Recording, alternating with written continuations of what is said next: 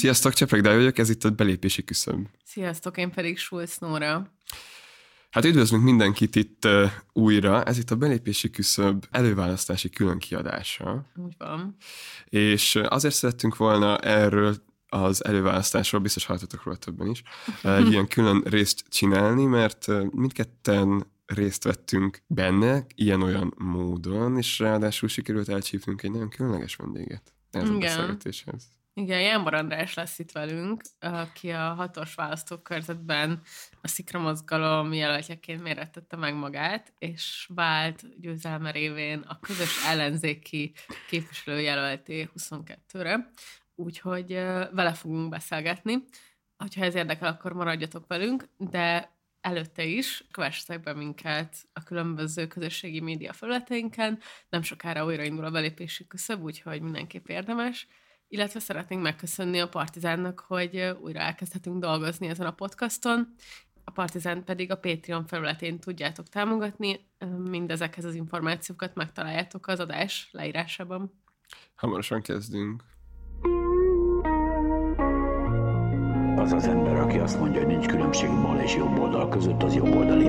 Mi nem az ellenzék ellenzék, hanem az ellenzék lelkiismerete szeretnék lenni. Megint úgy van, olyan ember, aki nem cselekszik, állhat azon az állásponton, hogy az egész társadalom egy elvetendő valami. Amikor a kapitalizmus világmérdő bukására én sem látok rövid távol kilátást. Miért tetszik lábjegyzetelni a saját életét? Miért nem tetszik átélni? Miért csak reflektál? Ez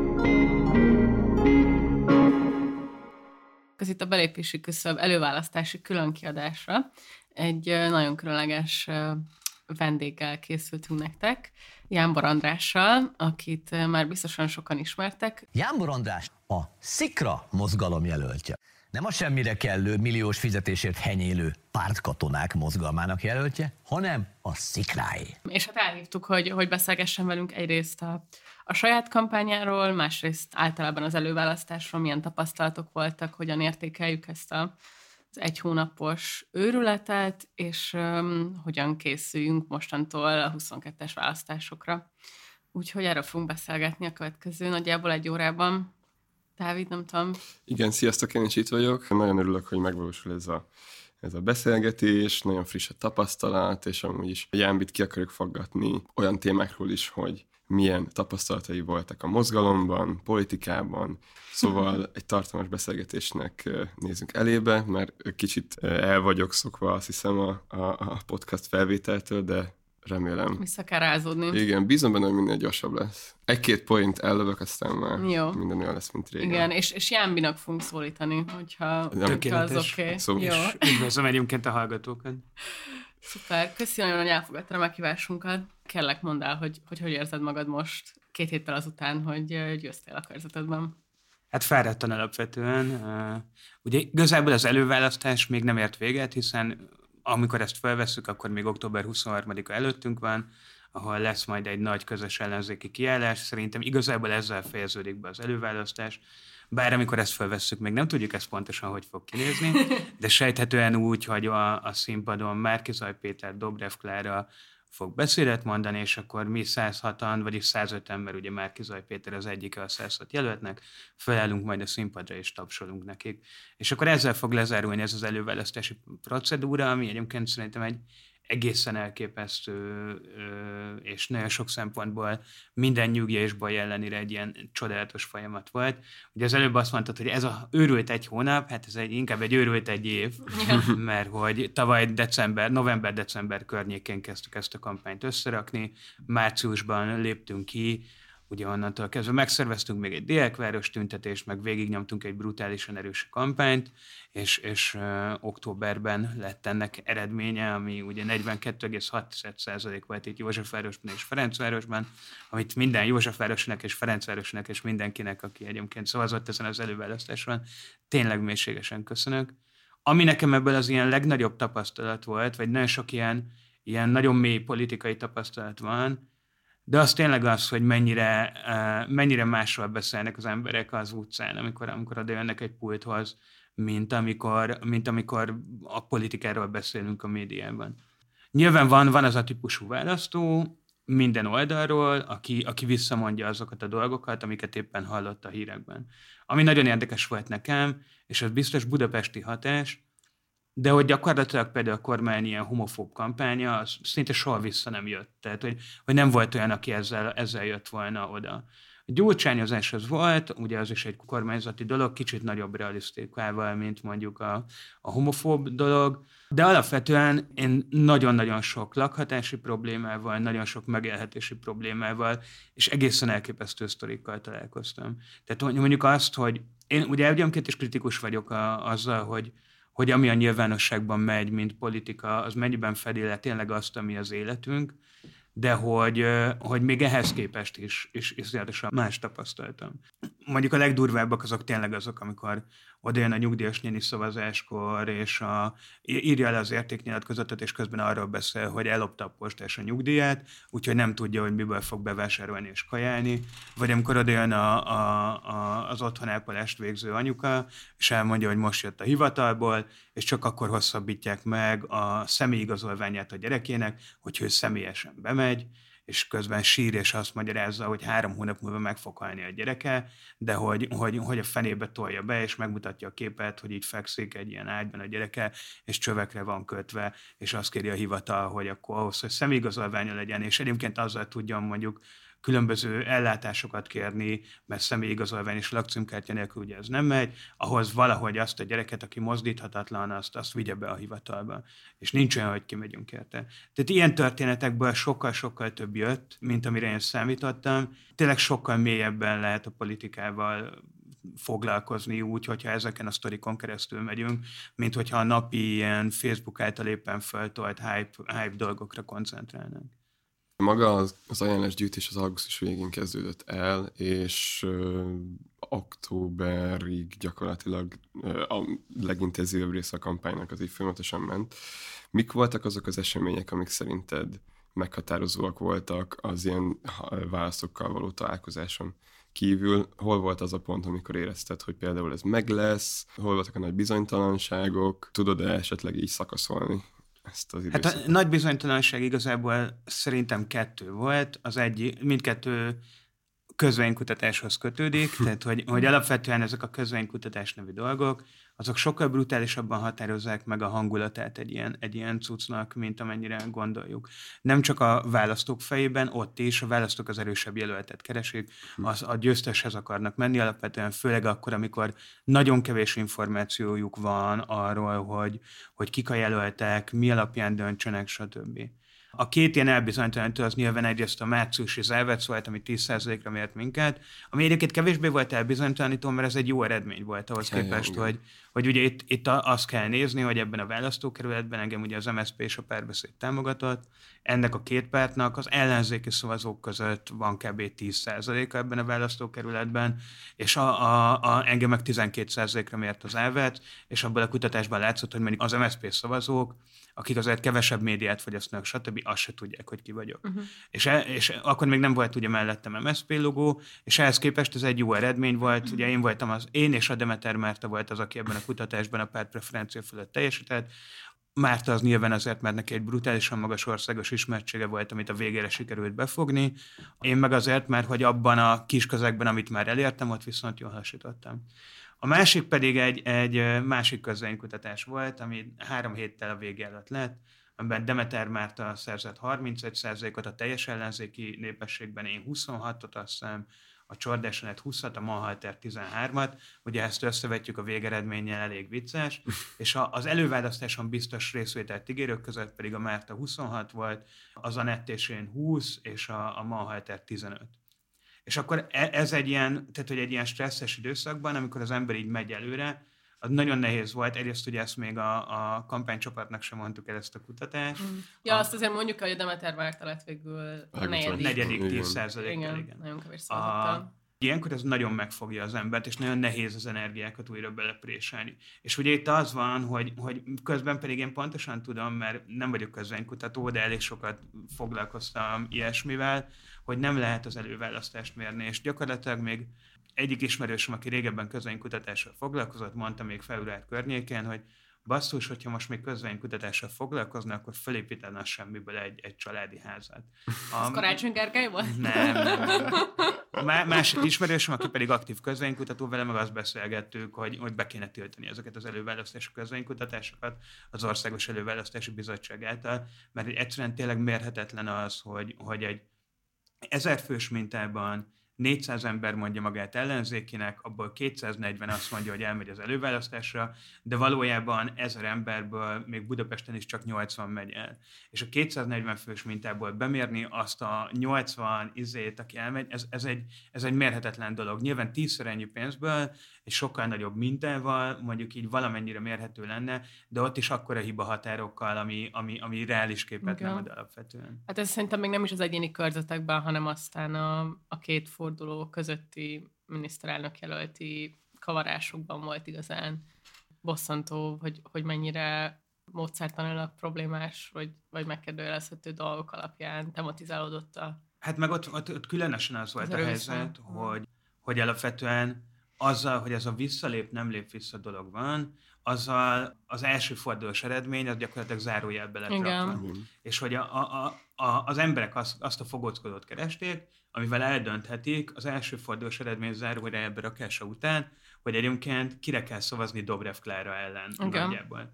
És innentől kezdve egy-egy ilyen kutatás az így, az, ugye Han Endre nyilatkozta azt, akinek a medián kutatása volt ebben az egyik döntő, hogy az a, annak a kutatásnak az eredménye gyakorlatilag az ő tudta nélkül került ki, és, és olyan, olyan környezetbe ágyazva, ami, ami nem volt megfelelő ahhoz, hogy ezek az adatok normálisak legyenek. Igen. Azt, azt hallottam is, hogy nyilatkozta, hogy ugye ott azt mindenki úgy értelmezte, hogy valójában a Márkizajnak van több esély, és aztán ő meg így ment körbe a médiában médiába, hogy igen, csak azt is kikutattuk, hogy a legkisebb elutasítottsága meg Karácsony Gergelynek van.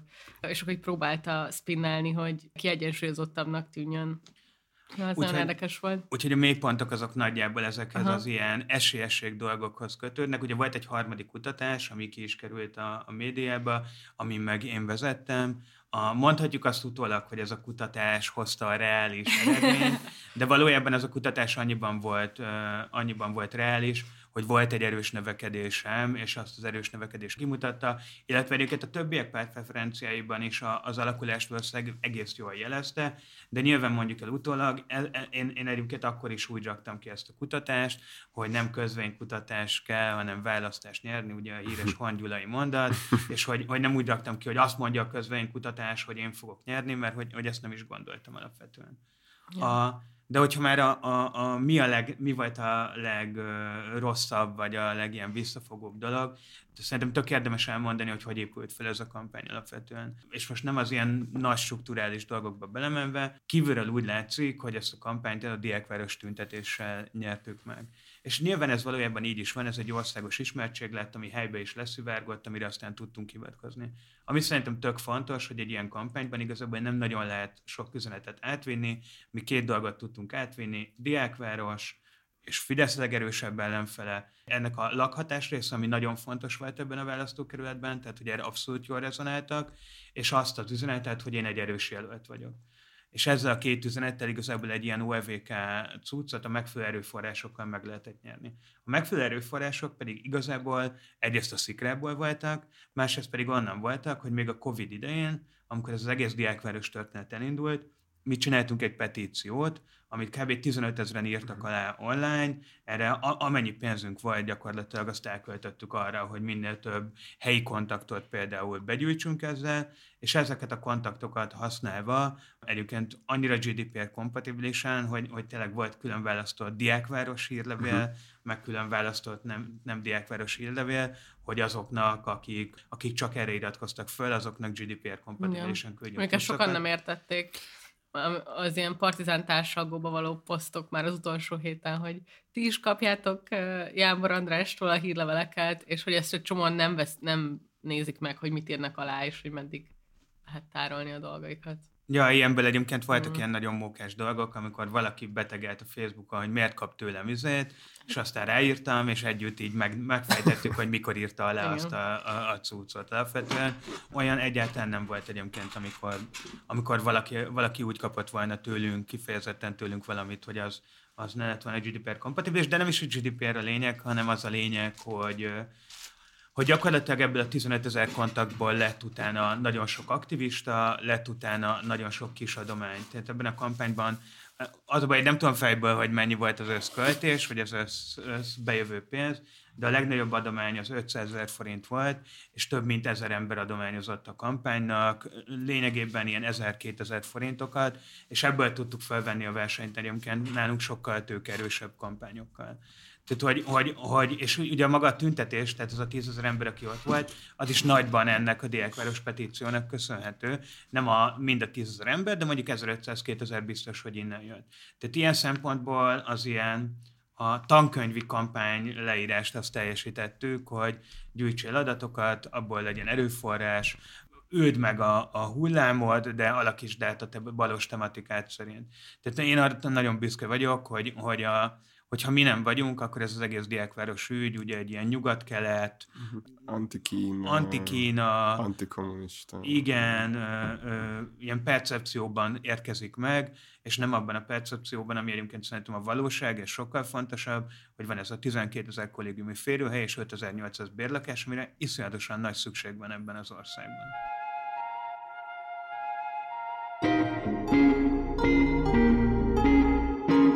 Nyilván most így megbeszéltük, hogy így milyen volt benne lenni a kampányban, de szerintem arról is beszéljünk kicsit, hogy mert nem biztos, hogy mindenki tudja, hogy hogyan érkeztél el ahhoz a döntéshez, hogy országos politikába, mint jelölt beszállsz.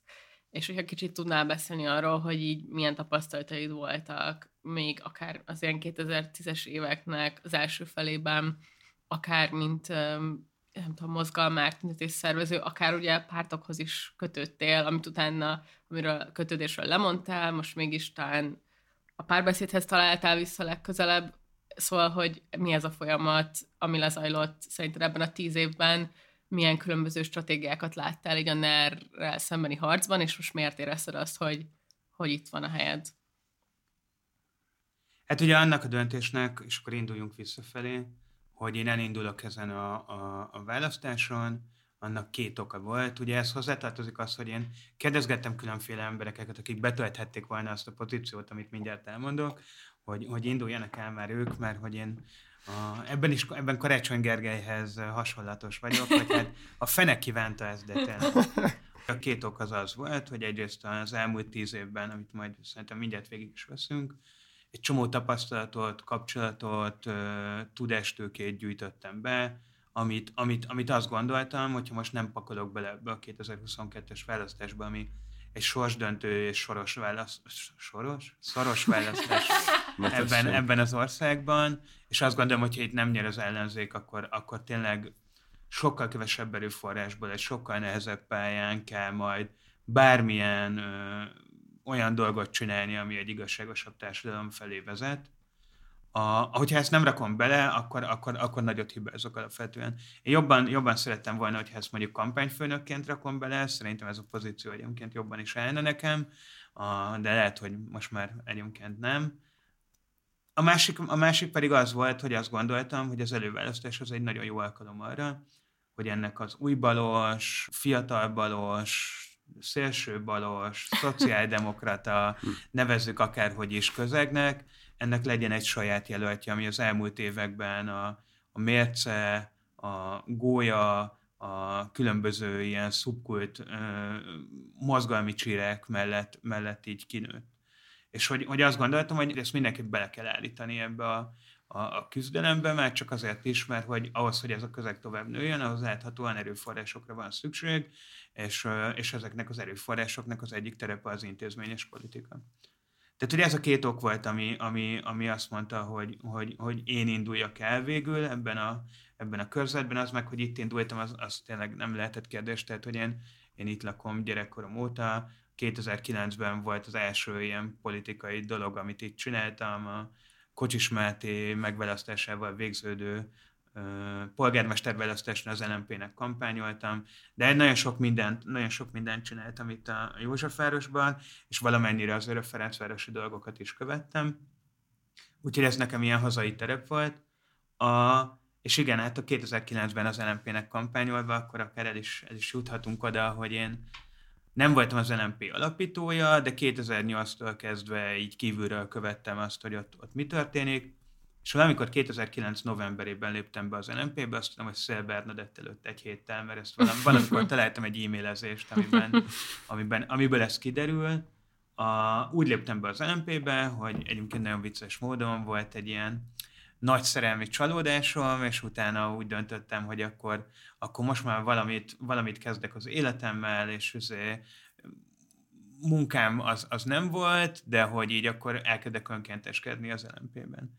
És akkor elkezdtem önkénteskedni az LMP-ben, és akkor egy adott ponton azt mondták, hogy akkor tudok a kommunikációs csapat része lenni, hogyha belépek a pártba, mert csak akkor tudnak rárakni a levelező listákra. Egy nyilvánvalóan hazugság volt, de hát akkor már beléptem a pártba, a, én az LMP Facebook oldalt csináltam 2010-ben, meg egy ideig voltam közép-dunántúli regionális koordinátor is, de az egy elvetélt dolog volt alapvetően, és akkor, akkor innentől kezdve szépen belefolytam a politikába.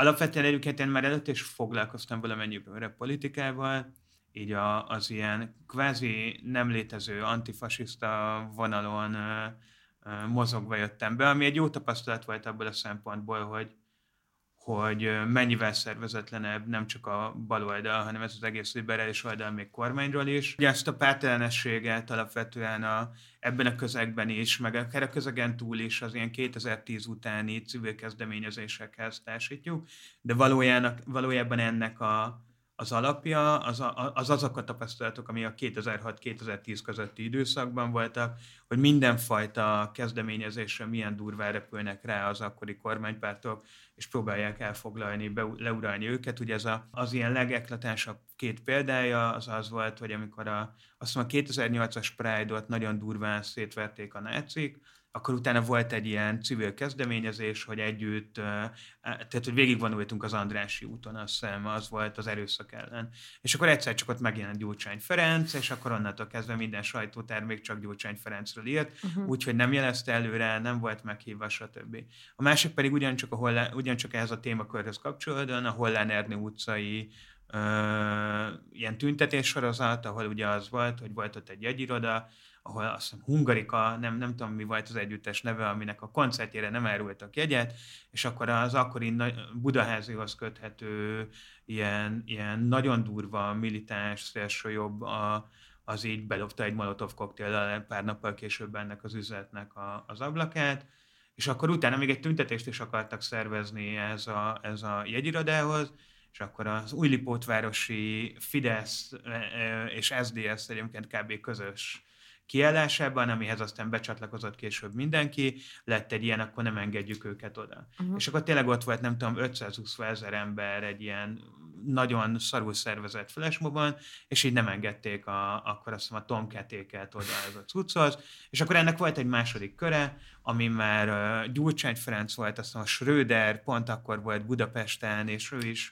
uh, eljött erre a, a kiváló tüntetésre, és ott a második körben már teljesen kilettek nyomva azok, akik spontán módon az uh-huh. elsőt szervezték. Uh-huh. És ezek a tapasztalatok mentek át szerintem így tudatlanul is a 2010 utánba, hogy mindig az lesz, hogy, hogy, hogy, hogy, hogy így a pártpolitika rámegy ezekre a cuccokra, csak közben 2021-ben már az van, hogy az ellenzéki politika nem képes ezekre a civil kezdeményezésekre, vagy ö, ilyen spontán kezdeményezésekre rányomulni, mert hogy nagyon más a média struktúrája, a, nagyon más, hogy kezeli ezeket a média, tehát ugye a 2010-es elején, évek elején, ugye a mérce alapításának is ez volt az egyik fontos szempontja, hogyha ha meghirdette egy tüntetést, és mondjuk izé, látszott, hogy lesznek rajta tízezren, akkor se írták meg előre, és ilyen kis mínuszos hírekben számoltak be róla, mert ezek úgyis lényegtelen dolgok.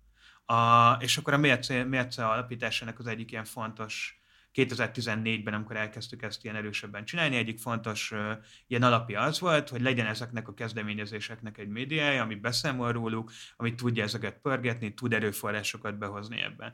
Csak hát 2021-ben már ott tartunk, hogy hogyha valaki meghirdet egy tízfős tüntetést, akkor öt livestreammel a teljes magyar sajtó ott van, és az RTL klubban három perces bejátszás mm. van mhm. róla. Teljesen reflektáltan arra, hogy, hogy kik, akik ezt meghirdetik, hogy milyen társadalmi támogatottság van mögöttük, hogy milyen legitimációja van az Ez egésznek. mikor változott meg szerinted? Hát szerintem itt arról van szó egyébként, hogy valamiről kell írni. Ahogy a, a pártok elvesztették a jelentőségüket azáltal, hogy a, a a parlamentalizmus lényegében megszűnt Magyarországon, és a parlamenti viták azok Ja. teljesen kiüresedtek. És valamiről írni kell a politikai Hát újságíróknak. nem is csak az, hanem hogy, hogy ezzel a pártok jelentősége csökkent, nem csak az újságok szemében, hanem az állampolgárok szemében is. És erre a térre jöttek be ezek a tüntetésszervezők, civilek, nem tudom, stb. Plusz ennek van egy ilyen globális vonulata is. Van egy ilyen nagy globális antikorrupciós flash, ami, amit sokat lehetne beszélni arra, hogy ennek mi az ere- eredője, hogy a középosztály az hogyan sajátítja ki ezáltal a politikát. Ebben most szerintem nem menjünk bele, de hogy van egy ilyen tiszta emberek versus gonosz politikusok, a, a 2008-as válság óta gyakorlatilag egyre inkább, amiben az ilyen szakértőiség, hozzáértés dolgok, azok, azok egyrészt sokkal kevésbé számítanak, mint tények, de másrészt meg sokkal nagyobb presztist jelentenek egyes megszólalóknak, hogyha róluk azt gondolják, hogy ők ilyen, ilyen független szakértők, civilek, stb. És ez, ez, ez és egyszer a parlament kiüresedése, az nagyon durván azt, azt csinálta meg, hogy a média és ezek a civilek lettek gyakorlatilag az ellenzék. És erre a Fidesz még pluszban tudatosan rá is játszott, és ez, ezáltal az állampolgárok is a, az erőt azt nem a pártoknál látják, hanem a civileknél, a médiában, stb. Uh-huh. odaadják a támogatásukat, uh-huh. mellettük állnak ki. Tehát azt látjuk, hogy amikor elveszik a pártok állami támogatásának felét, akkor így mindenki azt mondja, jó, hát úgyis korruptak, megérdemlik. Ja. A, amikor viszont izé, a, egy médiatermékkel van valami probléma, akkor, akkor lesz egy 5000-es tüntetés alapvetően. Nekem az jutott eszembe erről a párt politika ellenességről, és az, hogy azt a 2006-2010-re datálod, hogy szerintem, és lehet, hogy ez egy ilyen generációs sajátosság, de ugye nagyon hasonlóan hivatkozunk a rabszolgatörvény ellenes tüntetésekre, ahol szintén az volt a tapasztalat, és nekem ezek voltak talán az első ilyen nagy tüntetések, amiben én is valamennyire involválva voltam a 2018-as választások utáni MZP-t felhúzó tüntetéseken kívül. Voltak MZP-t felhozott? Igen, hát a, Hogyne, a csalás szabad sajtó. Elcsalták a választásokat tüntetés sorozatban, abban az MZP volt a, az Atya Úristen. Tényleg? Hát, ahol az Árpád sávos zászló és a vörös zászló egymás mellett. Igen. Azt tudom, hogy voltak tüntetések, de hogy ennek volt egy ilyen MZP-s elem, ezt elfelejtettem. Na mindegy, ő, ő bocs. volt a vezérszónak gyakorlatilag végig. Igen, mert ő ugye legyőzte a Fideszt helyben, és akkor ő már gyakorlatilag deklarálta is azt, hogy neki ilyen ambíciói ambíciói vannak. vannak. Igen, igen. Na de hogy ugye, és hogy tök jó, hogy elmondtad ezt az ilyen pártok jelentőségének visszaesése, ugyanakkor viszont antikorrupciós narratívának a felelősödése dolgot, mert a, a rabszolgatörvényes tüntetésekben is utána tökre érzékelhető az, hogy itt nem párt pártok viszik el alapvetően ezeket a kezdeményezéseket, hanem, hanem ilyen párt emberek, politikusok, személyiségek. Szóval ez a personalizáció, ez így a médián keresztül és az ilyen beszűkült térrel is úgy érzem, hogy egyre inkább felősödik, pont azért, mert hogy, abban, mert hogy sokkal gyorsabban tud reagálni egy Szél egy telefonnal a kezében az ilyen kezdeményezések, során, mint egy párt, aki igazából nem is nagyon rendelkezik azokkal az eszközökkel, ami alkalmas tenni arra, hogy hatékonyan be tudjon foglalni egy ilyen kezdeményezést. Tehát itt már, itt már ilyen egy-két-három politikus személyiségről beszélünk, és alapvetően a politikát is, ha most megnézzük a kampányt, ilyen személyiségekre építjük, és sokkal kevésbé arra, hogy milyen párt háttere van. Sokszor ugye elsősorban az inkább nyilvánvalóan hoz magával egy ilyen tábort, de hogy ugyanakkor sokszor... Azért ez, ez mindig így volt, tehát hogy, hmm. hogy a, az, hogy, hogy személyekkel adjuk el a politikát, tehát hogy, hogy a 94-es MSZP is Horn volt eladva, Orbán Viktor ugye ne beszéljünk ebben a témakörben, mert ez teljesen egyértelmű, hogy főleg most már nem Fidesz van, hanem Orbán Viktor van, a, de hogy Vona Gábor, a, visszább megyünk mondjuk, a, ugye Megyesi Péter is egy, egy, szem, egy karakter volt, akire ezt a békesség, véget vetünk a harcnak dolgot próbáltak felépíteni, egyébként nagyon hasonló a Karácsony Gergelyhez, a, de hogy, hogy, hogy, és akkor ez csak a magyarokat mondjuk, de hát, hogyha az amerikai politikát Ja, nézzük, persze. ott meg, ott meg teljesen karakterekre van, és, és személyiségekre. Ugye ez, egy, ez, ez a kommunikációnak sajátossága, a, amióta létezik modern politikai kommunikáció gyakorlatilag, mert hogy, hogy, hogy sokkal egyszerűbb. Itt inkább az a probléma, hogy mennyire vannak szervezetek, és mennyire nincsenek szervezetek. Igen, én inkább Tehát, arra akartam utalni, hogy itt inkább ilyen szervezetek nélkül lebegő politikai személyiségek vannak. A rabszolgatörvényt pont, pont fordulópontnak látom Mhm. ebből a szempontból. Tehát, hogy a rabszolgatörvény az, az nagyon brutálisan hozzájárult ahhoz, a, az, hogy az ellenzéki pártokat közösen álltak ki, és egyébként közösségként viselkedtek, tehát hogy a, az MTV a székházban együtt dolgozás, az, az kifelé is megteremtett egy ilyen közösségelményt, és szerintem anélkül nem lett volna a 2019-es önkormányzati választási siker, mert hogy annyira összeragadtak a pártok, hogy már nem lehetett őket szétválasztani. Tehát, hogyha valaki ki is akart volna ugrani ebből, akkor megbüntették volna a választók. Tehát, hogy ah- ahhoz, hogy mondjuk ez az előválasztás létrejött, hogy nyert Karácsony Gergely, és nagyon sok polgármester még 2019-ben vidéken is és Budapesten is, ahhoz a rabszolgatörvény tüntetéseknek ez a, a dinamikája hozzájárult. Ami viszont egy nagyon érdekes dolog, hogy, hogy ugye nekünk az a kritikánk azzal az egész folyamattal kapcsolatban, hogy egy balos, végre a középosztály diskurzusából kilépő ügyből lett egy, egy szokásos ilyen antikorrupció, sz- szólásszabadság, stb. ügy, és hogy, hogy miközben egyébként ez hozzájárult ahhoz, hogy megteremtődött ez az ellenzéki egység.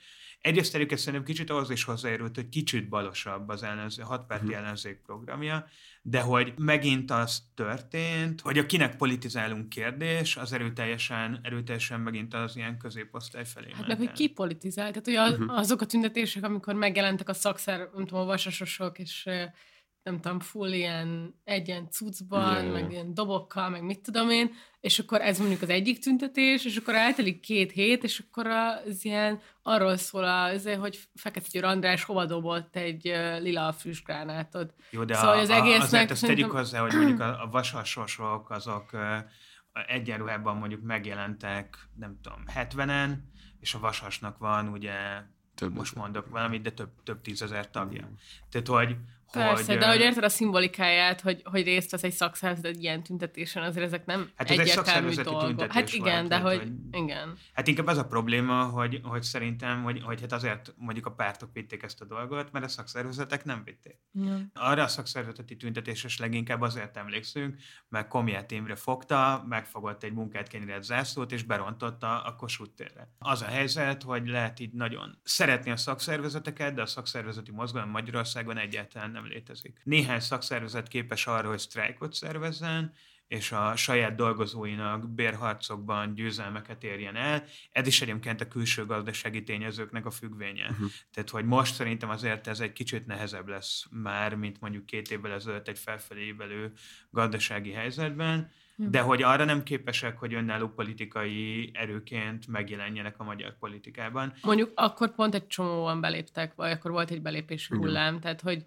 azért az látszik, hogy szerintem hogy igény lenne rá, hogy föllépjenek ágensként, tehát hogy ne írjuk le szerintem teljesen. Nyilván én sem azt akarom mondani, hogy ők mindent jól csináltak, és a Momentum elrontotta, nem ezt akartam mondani, csak hogy, hogy azért ott ez egy ilyen elég vagy nekem ott a, a legnagyobb belátásom az volt, hogy nem is az, hogy a pártok lenyúlják ezeket a tüntetéseket, hanem hogy egyes pártok, akik gátlástalanok voltak abban, hogy ők szeretnének, szeretnék használni ezeket az eseményeket, amit persze, hiszen ez a logikája ezeknek, és hogy, hogy nekem ott alapvetően ez kattan be, hogy itt, itt Hát ezek itt- a liberális erők tudják igazán használni, és, és nekem az volt a benyomásom, persze értem, hogy a teljes ellenzéki egység is megkreálódott, de hogy azért mégis, nem tudom, hatházi Ákos meg Szél Benedetet kellett sajnálni, meg, meg a Momentumos sztorikat hallgatni egy sztoriban, amihez előtte semmi közük nem volt. Hát igen, ezt elbuktuk, tehát hogy, hogy, ö, hogy alapvetően ott arról volt szó, hogy szerintem a mérce az nagyban hozzájárult ahhoz, hogy egyáltalán ez a, ez a tüntetés Abszolút. sorozat létrejöjjön. Azt, ezért lehet, hogy majd a mércesek levágják a fejemet, de hogy azt, azt mondjuk így el tudom mondani, hogy én akkor főszerkesztőként, mert ugye akkor a mérce főszerkesztője voltam, én utasításba adtam azt, hogy minden nap kell írni egy cikket a rabszolgatörvényről, és addig kell ezt tolni, ameddig nem lesz ennek lényegében politikai következménye.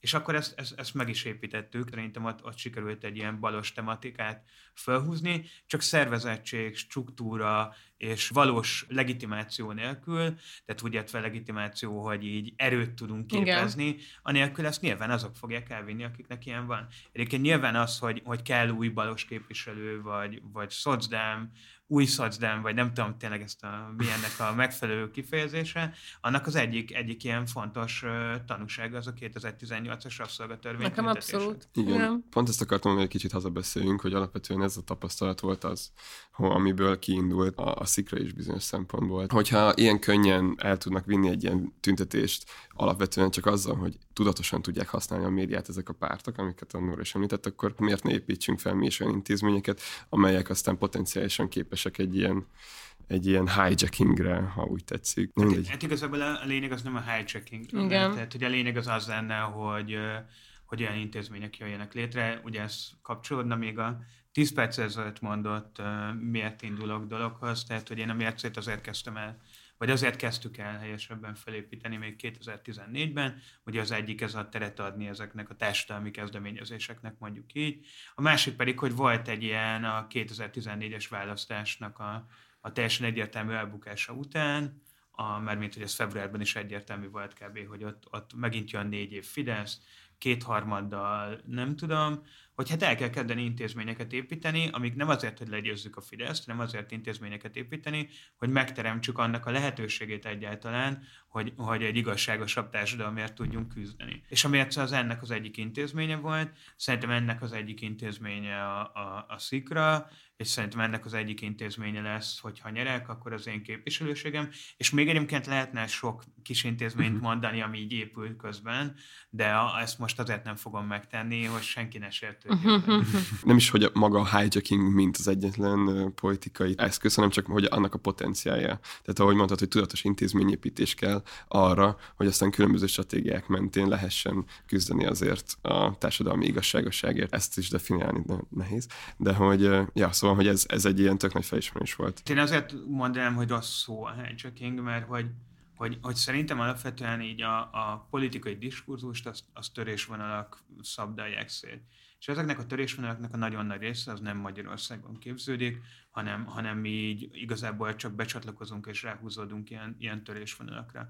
És az erőforrások azok nagyjából ezeknek a törésvonalaknak a mentén alakulnak ki. Hogy mondjuk ez az Orbán, nem Orbán, nyugat-kelet, e, ezek, ezek ugye a fő törésvonalak azért nagyjából, amik a magyar politikát meghatározzák, ezek mellé sorolódnak be a pártok, a megmondó emberek, az intézmények, és mivel ezek, ezek, ezek törésvonalak menti diskurzusok alapján képződik meg a választópolgárok fejében a történet, ami, ami leírja azt, hogy mi történik az ő életükkel, az ő közösségükben, az ő erőforrásaik, pénzük, itt szabadidejük, cselekvőképessük, és, és nagyjából ezek mentén, a törésvonalak mentén épül föl. És nem a, tehát azért mondom, hogy rossz szó a hijacking minden értelemben, mert hogy az, hogyha egyszer-egyszer tudjuk, tudunk emellé a törésvonalak mellé témát felhúzni, az, az nem, nem teremti meg a baloldali politizálást. Igazából azt teremti meg a baloldali politizálást, hogyha ezeknek a törésvonalak mellé új törésvonalat tudunk felhúzni, vagy egy ilyen törésvonalat el tudunk alapvetően térinteni a balos üzenet mellé. Hát meg az például mondjuk nem hijacking volt, hogy a Fudan kapcsán mi a diákvárosról beszéltünk szerintem, hanem hogy egyszerűen nem. alapból teljesen más értékrendszer és szempontrendszer alapján vesszük észre a problémákat, és inkább arról van szó, hogy erre legyen képesség, hogy ezeket végig tudjuk vinni, hogy ezek ne csak egy-egy véleménycikk legyen, ez ne csak egy-egy Facebook poszt legyen, hanem, hanem akkor mi szervezünk egy tüntetést, amin hogyha oda dugják bármelyik résztvevőnek a orra alá a mikrofont, jé, ő is arról fog elkezdeni beszélni, hogy lakhatási válság van, és hogy, hogy egy a barna mezős területeken lehet, hogy erre, ennek a kezelésére kéne használni, meg stb. stb. És hogy szerintem így így értve csapódik le az, hogy hogy intézményeket, meg erőt kell építeni, hogy tehát ez nem hijackelés, csak egyszerűen teljesen más irányba akarod tolni az egész ügyet. És egyébként ez egy jó példa, mert hogy, hogy attól függetlenül, hogy egyébként tíz éve épül ez a lakhatási válság van dolog, tehát ugye az AVM-en, az is kell hozzá, ulén, persze, abszolút. A stb. keresztül, még mindig nem az van, hogy, hogy miközben ők is edukálnak politikusokat, ők is működnek együtt politikusokkal, még mindig nem az van, hogyha ha bejön egy ilyen sztori, akkor egyből bekaptan így a lakhatás, és ú, ez egy lakhatási probléma, hanem még mindig dolgozni kell rajta, mert hogy egyébként az a törés van, hogy kelet-nyugat, ebben a sztoriban sokkal, sokkal egyszerűbb, erősebb. erősebb, egyszerűbben használható, kézbe, sokkal inkább kézre esik a, a politikai magyarázóknak, politikai aktoroknak, mint a lakhatás kérdése. Hogyha ebben a kelet-nyugat törésvonalban fog meg egy ilyen kérdést, abban sokkal, sokkal egyszerűbben jönnek vissza neki erőforrások, láthatóság, média szereplés, akár pénz, uh-huh. aktivista, bár melyik párt gyűjt Magyarországon? Egyébként, vagy, vagy politikus aktivistát, egy, ez egy ilyen politikai gyorskaja gyakorlatilag, ami készhez jön, azt, azt így elfogyasztom, úgy csinálom a politikát, és igazából a, a tehát tényleg sokkal egyszerűbb egyszerűen hmm. ezzel foglalkozniuk. Kicsit úgy érzem, hogy pont azért van potenciálja mindenfajta ilyen újdonságnak a politikában, mert hogy ezek a törésvonalak így már untig lettek ismételve, és hogy a valós mobilizációs elővel egyre kevésbé rendelkeznek, és ez látszik is, hogy, hogy új törésvonalak való Szerintem rávilágítás, vagy ilyesmi, az még, hogy jó, persze ugyanolyan potenciál nem rendelkezik, mint egy kelet-nyugati, de hogy látszik, hogy igenis van benne svung. Szerintem nincs benne svung. Uh-huh. Tehát, hogy ez az intézményépítés azért kell, hogy, hogy feltöltődjön mondjuk úgy energiával ez a, ez a törés van, és csak egyszerű példával, ugye az előválasztás második fordulójában azért mentek el sokan szavazni, mert egyszerűen hangulat volt teremtve. Tehát dobálták egymásra a szart, és hogy, hogy, hogy ebből így, így sokkal egyszerűbben megképződik az, hogy jó, akkor én, én vagy választok, vagy elmegyek, stb. Ugye ez a 2010-es évek közepén volt ez a sláger mondat a budapesti aktivista körökben, tüntetésre nem akar már senki járni, azt már ja. unják az emberek. De hát nem unják, tehát alapvetően, hogyha, hogyha megképződik egy politikai helyzet, hogyha feltöltődik energiával ezek a szokásos törésvonalak, akkor, akkor tüntetni fognak elmenni, mert hogy ez az, amit ismernek és tudnak használni. Tehát a politikai hozzáférést azt, azt nem szabad lebecsülni alapvetően, és nem csak a, a, abban, hogy ki tud-e menni valaki tüntetni, hogy hall-e az információ arról, hogy egyáltalán van tüntetés, hanem abban is, hogy mennyire egyszerűen érti meg azt, hogy miről szól egy tüntetés. És azt, hogy izé, mocskos Orbán, hát sokkal egyszerűbben érti meg, mint hogy ha felépítünk 5800 bérlakást, akkor azzal egyébként csökkennek majd az albérletárak, és egyébként a te gyereked, amikor majd albérletbe akar költözni, akkor neki egyébként egyszerűbb lesz és olcsóbb az, hogy albérletbe költözzön.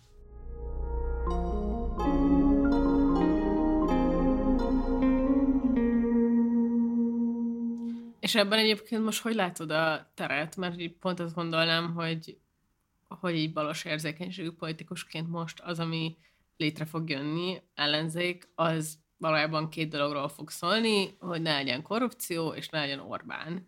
És hogy ebben hogy látod, vagy hogy érzed, hogy mennyire lesz tér bármi másról beszélni, mennyire van felismerés az ellenzéki politikusok között azzal kapcsolatban, hogy lehet, hogy kellene másról beszélni, hogyha be akarnak vonni új szavazókat.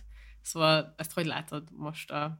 Nekem két, két feladatom van alapvetően, tehát hogy egy a, az, hogy legyen kormányváltás, erre kaptam választói felhatalmazást, és azt gondolom, hogy, hogy kisebb részben, de arra is kaptam választói felhatalmazást, hogy hosszú távfutásban építsünk fel, vagy erősítsük meg a baloldali politikát Magyarországon.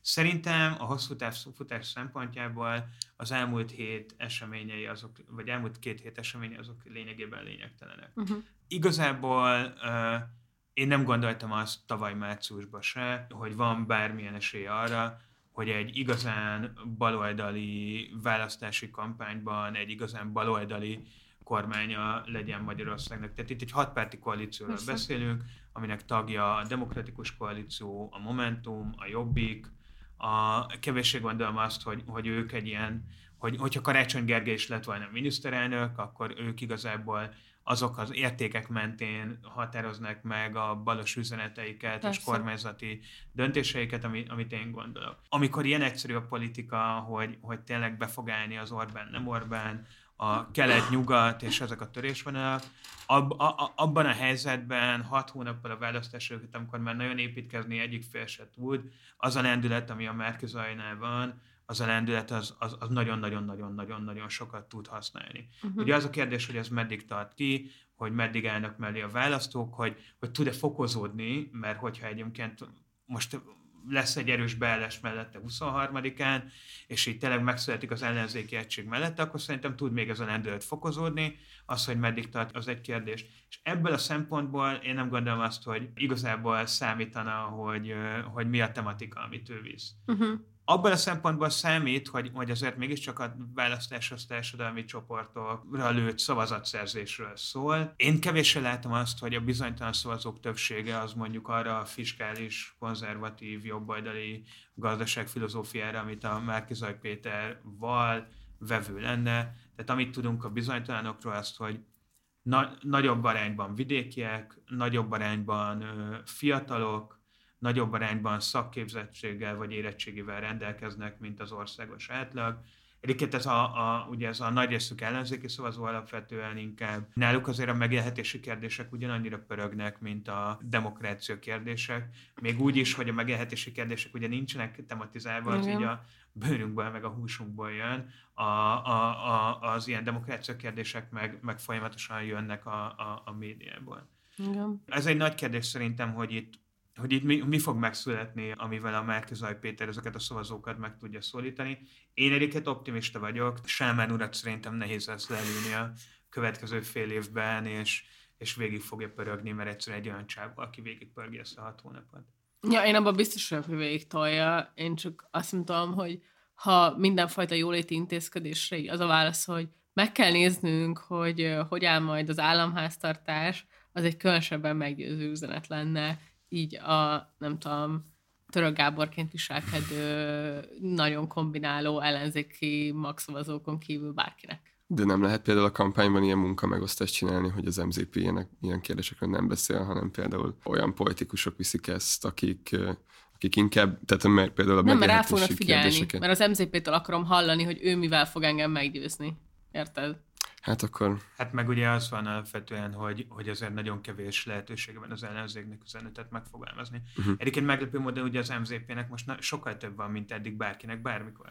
Tehát az a felhajtás, ami, ami meg, meg felhajtó erő, ami van mellette, az, az ugye sokkal több figyelmet generál, mint, mint mondjuk egy Karácsony Gergely Mhm. vagy egy Dobrev Klára kapcsán. Igen. És emiatt, emiatt neki van lehetősége most sokkal többet beszélni a választókhoz. Mondjuk a szerdai vitán Dobrev Klára, Márkizaj Péter nagy RTL-klubos vitáján, Uh-huh.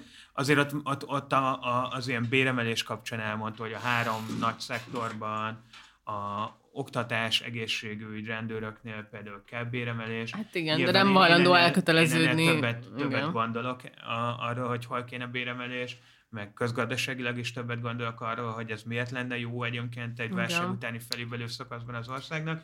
De hogy szerintem ebben, ebben, ebben én majdnem biztos vagyok, hogy lesz Meg így valaki szóljon már neki, hogy így, tehát így le van, tehát a neoliberalizmus vonata az így már így, tehát arra nem lehet felszállni már ezen a ponton, így mindenki elengedte, már de tényleg az ilyen nemzetközi financiális elitek is ezen már így túlléptek, és csak így tényleg én így nem értem, hogy erről miért nem hajlandó valaki így ezt így elmagyarázni neki.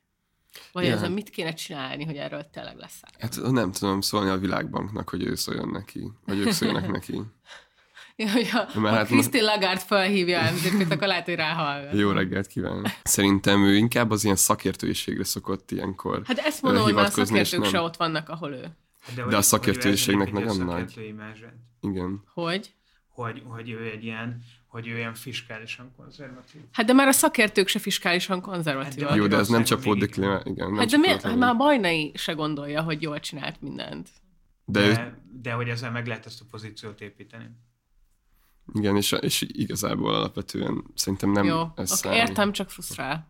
Ja, persze, hát pont ez az, hogy nagyon sok minden frusztráló dolog történik az utóbbi hetekben baloldaliként. Igen. És ezzel, ezzel keresünk ilyen fogóckodókat, hogy de hát, ha azért a kampányban lesznek olyan szereplők, akik tudják erősíteni az ilyen megélhetési témákat, reménykedve abban, hogy ez erősíti ezt a hatpárti kampányt. Amikor ilyen mozgásterekről beszélünk, akkor erre is gondolunk, hogy remélünk azt, hogy, hogy alapvetően erre igény van, és szükség van rá. De hogy ezzel kapcsolatban ugye nagyon sok bizonytalanság is van. Az, hogy például itt Józsefvárosban, meg Ferencvárosban sikerült-e ezzel megmozgatni olyanokat, akik részt vettek az előválasztáson, az még, az még bizonyítást vár. Azért szerintem igen, vagy nekem az ilyen kopogtatásokon tökre voltak olyan élményeim, hogy így, hát igen, igen, a Jánbor Andris az a, az a balos gyerek, a Jánbor Andris a diákváros, a Jánbor Andris, aki így nem tudom, a lakhatású válsággal akar kezdeni valamit, szóval szerintem azért átmentek ilyen típusú üzenetek is, meg egyébként meglepően vannak még ilyen ö, régi balos emberek is szerintem, akik még így itt élnek, és így abszolút így megértették, hogy, Igen. hogy neked ilyen szociáldemokrata identitásod is van. Hát ilyen szempontból egyébként ez egy nagyon érdekes dolog, hogy a, a Józsefváros és Ferencváros az a Momentum két legerősebb kerülete Igen. nagyjából. Most már valószínűleg Budán erősebb a Momentum egyébként, de hogy, Visszavonultak. hogy, és közben pedig nekem is az volt a tapasztalatom, hogy, hogy itt abszolút működnek ezek a, a, a megélhetéssel, lakhatási válsággal kapcsolatos üzenetek, és hát ez egy, ez egy kritika is azért a saját szövetségeseimmel szemben, hogy így, eh, hogy miért, miért lehet momentumos ez a, ez a körzet, amikor, amikor azért alapvetően a Momentum kevéssé ebből a szempontból fogja meg a politikát, mint, mint eh, közösség ügyeinek intézését. Igen. Ja, amúgy az ilyen másik bizonyíték azt hiszem az az volt, hogy itt uh, ahhoz képest, hogy a lakosság átlagkeresete alapvetően alacsonyabb a belső kerületekhez képest, és inkább az ilyen külső kerületekhez húz, ahol a Dobrev nyert jellemzően, itt viszont a karácsony kapott a legtöbb szavazatot. Tehát, hogy itt, és aki szintén ugye elvileg egy ilyen, egy ilyen balos, kicsit szocdem programmal indult. A kampányában legalábbis igyekezett tematizálni ilyen problémákat.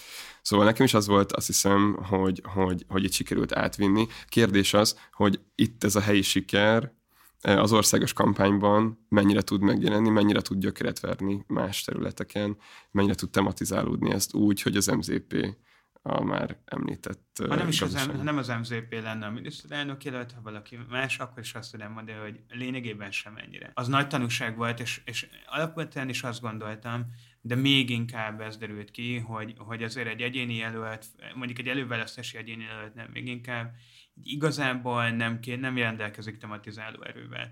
És egy egyéni jelölti kampány is a hely, helyben, helyben lévésen kívül, vagy levésen kívül nem rendelkezik a tematizációs erővel. Pluszban én azt gondolom, hogy ezért a, a, engem arra választottak meg ezen az előválasztás, hogy a kormányváltás ügyét segítsem elő. Nekem azt a kampányt kell vinnem, ami a központi kampány, részben kiegészítve azokkal, amik, amik, amik így a helyi specifikumok, meg hát amit gondolok a világról. Tehát, hogy, hogy nyilván, hogyha nem tudom, Márkizaj Péter lerúg egy kisgyereket, aki egy sztrájkoló dolgozó kezében van, akkor, akkor nem fogok kussolni, de hogy azért kevéssé gondolom, hogy ez meg fog történni, sőt, biztos vagyok benne, hogy nem. Úgyhogy am- ameddig ez nem történik meg, addig, addig nyilvánvalóan én a, a, annak a legitimációnak mentén, amit kaptam, én, én ezt a közös kampányt fogom folytatni.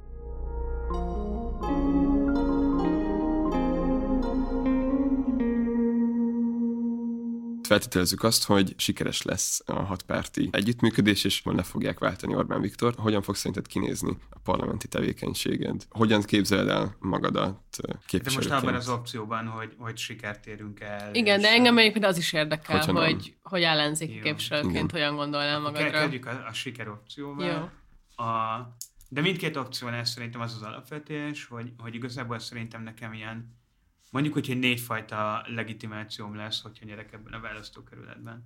Lesz egy, egy ilyen választókerületi legitimáció, majd nekem Józsefváros és Ferencváros ügyével kell foglalkoznom, az itt élőket kell képviselnem, az ő egyébként ügyes bajos önkormányzatok által becsatornázott dolgait, illetve azokat az országos témákat, amik, amik helyben nagyon erősen specifikusak, egyébként például ilyen a lakhatás. Aztán van egy olyan a legitimáció, hogy hát nyilvánvalóan engem az ellenzéki választók fognak megválasztani. És uh, miközben nyilván országgyűlési képviselőként feladatom az is, hogy, hogy úgy döntsek, hogy az nem csak az ellenzéki, hanem a jelenlegi kormánypárt, tehát a fideszes szavazók érdekeit is képviselje.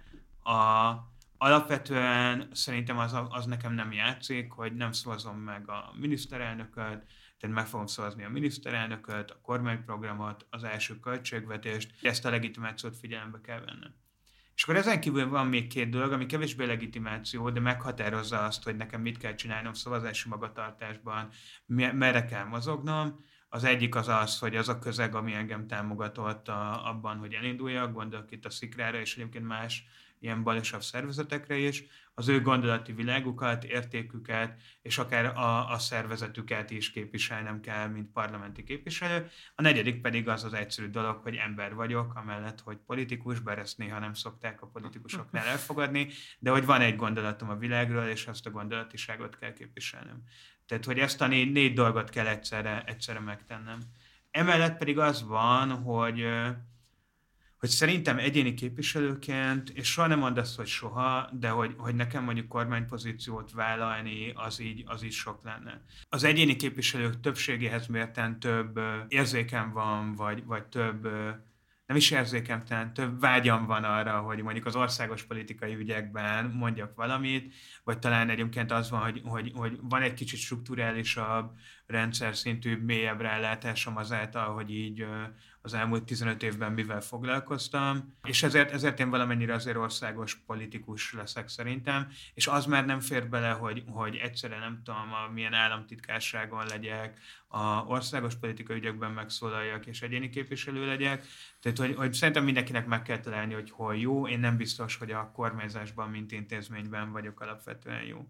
De mondom, soha nem mond, hogy soha, tehát hogy meglátjuk, hogy mi fog történni egy ilyen helyzetben, meglátjuk, hogy hogy néz ki a minisztériumi struktúra, stb. A másik dolog pedig az, hogy ez egy hosszú távfutás és hogy attól függetlenül, hogy, hogy kormányba megyünk vagy ellenzékbe, attól függetlenül segít, elő kell segíteni azt, hogy ez a balos intézményrendszer épüljön, ezek a balos szervezetek növekedjenek. Akkor be fog szülni ellenzék. Tehát, hogyha ellenzék kiképviselőnek kellene, akkor is be fog szülni a parlamentbe. Hát szerintem onnantól kezdve, hogy elmondtam ezt a négyes legitimációt, aminek a része az ellenzéki szavazók képviselete és a helyiek képviselete, szerintem nincs olyan döntés, hogy nem beülni a parlamentbe. Tehát, hogy egyéni képviselőként mega nincsen ilyen döntés, Igen. tehát, hogy, hogy ez, ez azért, és szerintem országos listán is azért a, a választópolgárok nagy, lehet, hogy van egy ilyen értelmiségi hangulat, hogy jaj, nem veszünk részt a parlamenti munkában, de azért kutatás is van erre, meg, meg személyes tapasztalat is az, hogy, hogy azért alapvetően alapvetően az emberek azért választanak meg képviselőket, hogy ők segítség azt, hogy egy kicsit jobb legyen az életük.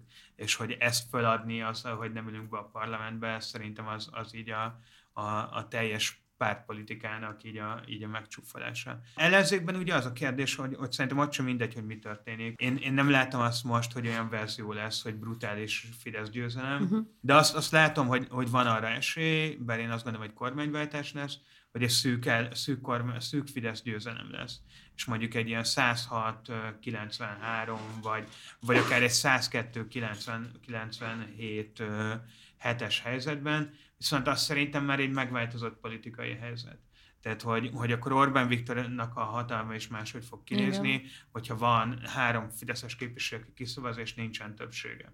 Valószínűleg kinyitná a Fideszen belüli konfliktusokat Igen, meg, meg, meg, meg máshogy néznek a választópolgárok is rá arra, hogy mi itt a helyzet, és lehetne folytatni a sort. Én biztos vagyok, hogy ellenzéki képviselőként egy dolgot nem fogok csinálni, azt, hogy minden szarra rárepüljek, már bocsánat. Uh-huh. Tehát, hogy, 500 hogy, indítvány beadni egy évben? Meg hát 500 indítvány beadni. Az egy mondjuk, büntetési rekord. Ó, Nem, hát, hát, szerintem megvannak azok a témák, amiket, amikkel József Város és Ferenc városi képviselőjelöltként és Balos képviselőjelöltként is foglalkoznom, vagy hát akkor már képviselőként is foglalkoznom kell, és akkor legyenek ezek az ügyek végigvéve. Tehát szerintem a probléma, probléma az ellenzéki politizálása jelenleg az, hogy így belecsapunk dolgokba, uh-huh. és aztán, aztán nem használjuk ki ezt az eszköztárat, ami még ellenzéki politikusként még ebben a rendszerben is lehetséges. Lehet, hogy akkor lesz, lesz győzelem egy-egy ilyen ügyben, de hogy legalább a, a sokkal világosabbá válik Igen. az, hogy mi az a politika, amit, amit az ellenzék vagy az ember képvisel.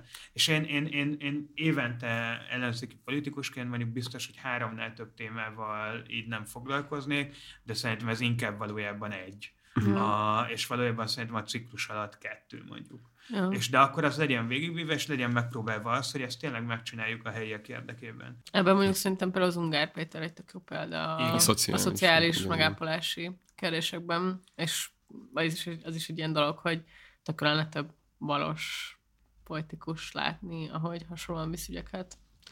Ja, és ebben szerintem tökre van potenciál, és hát egyrészt olyan nagyon szurkolunk neked, Jámbi, másrészt nehéz ebből kimaradni nekünk is, úgyhogy hát egyrészt majd reméljük, hogy be tudunk csekkolni később is, április után is. Reméljük, hogy egy hasonló győzelem után tudunk beszélgetni. A kormányváltás után? Hát Vagy ez jó lenne. Után? Vagy... Minimum. Az állami rádióban. Hú, azért... Köszönöm szépen a meghívást, és egyébként a hallgatóknak is, hogyha végighallgatták ezt. Köszi, hogy itt voltál velünk, Jámbi.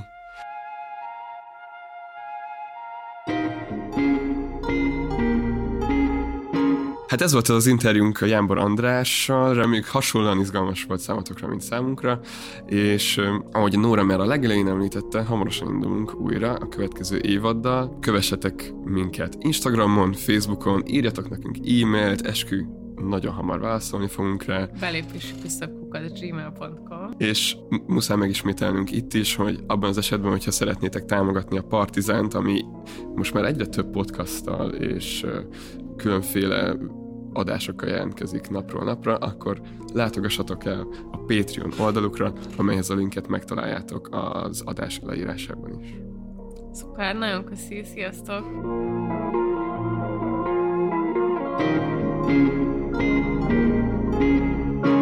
Nem vagyok rajongója, sőt igazából rengeteg nézetével abszolút nem értek egyet, de valakinek ezt a tetves mocskos geci rendszert meg kell döntenie.